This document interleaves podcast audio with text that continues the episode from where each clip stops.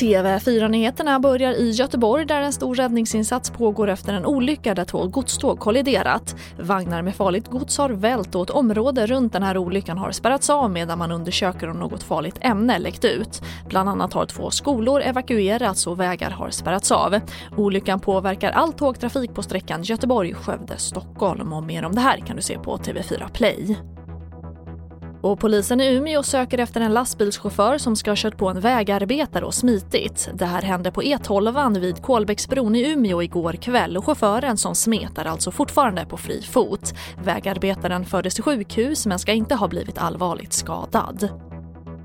Och Arbetsmiljöverket har efter en inspektion inte kunnat slå fast att den 39-åriga sjuksköterska som avled i våras efter att hon testat positivt för covid-19 smittats på jobbet. Det uppger tidningen Vårdfokus. Kvinnan jobbade med att vårda coronapatienter på Karolinska sjukhuset och enligt facket fanns det brister i skyddsutrustningen. Ärendet utreds som arbetsmiljöbrott genom vållande till annans död. Och det var det senaste med TV4 Nyheterna. Jag heter Charlotte Hemgren.